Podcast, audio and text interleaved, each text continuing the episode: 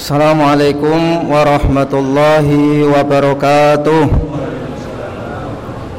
Bismillah alhamdulillah Asyhadu an la ilaha illallah wahdahu la syarikalah Wa asyhadu anna muhammadan abduhu wa rasuluh.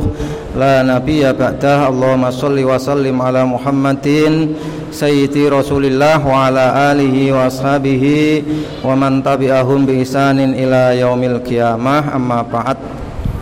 Hadirin Jamaah sholat isya taraweh witir rahimakumullah. Alhamdulillah. Atas izin Allah Kita dipertemukan dalam keadaan baik Dan kebiasaan melakukan hal baik. Semoga kebaikan ini senantiasa kita lakukan Sampai ajal kita tiba. Amin. Allahumma Amin Hadirin jamaah sholat isya taraweh dan witir rahimakumullah Pada kesempatan ini saya akan sampaikan Mari kita sama-sama merenungkan firman Allah di surat yang ke-56 yakni surat Al-Waqiah ayat yang ke-25 dan 26 Allah berfirman la yasmauna fiha lawwa wala ta'siman illa qilan salaman salama. Yang artinya mereka tidak mendengar di dalam surga ya, mereka ahli surga tidak mendengar ya, lawan perkataan yang sia-sia. Wala taksiman dan perkataan yang mengandung unsur dosa. Ya.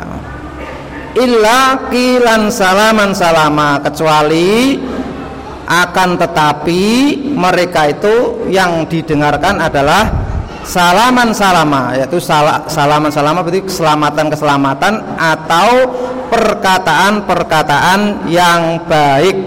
Nah, jadi penghuni surga itu tidak akan mendengarkan perkataan-perkataan yang tidak ada gunanya dan mengandung unsur dosa. Yang didengar itu perkataan-perkataan baik, keselamatan. Ya.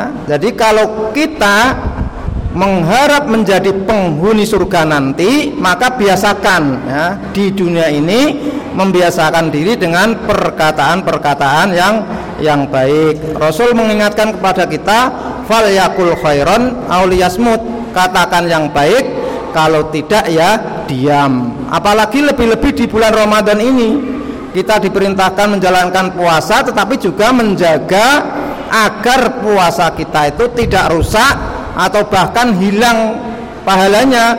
Gara-gara kita tidak bisa menjaga lisan kita dari perkataan yang tidak baik.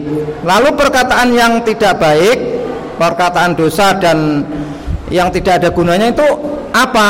Nah, kalau di apa kaitkan dengan larangan haji itu kan kita tidak boleh rofas, fusuk dan jidal ya, di perkataan yang mengandung yang mengandung rofas. Rofas itu perkataan-perkataan yang kotor, jorok ya.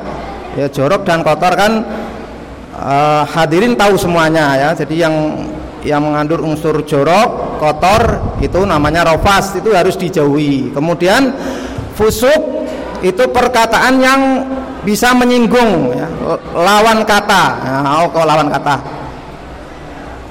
Yang bisa menyinggung orang yang diajak bicara ya kalau sekarang model sosmed ya yang yang membaca tulisan kita itu tidak tersinggung. Nah itu berarti katanya tidak mengandung unsur busuk. Tapi kalau kata-katanya memang sengaja memancing emosi orang lah itu namanya fusuk nah ini harus dihindari dan dijauhi.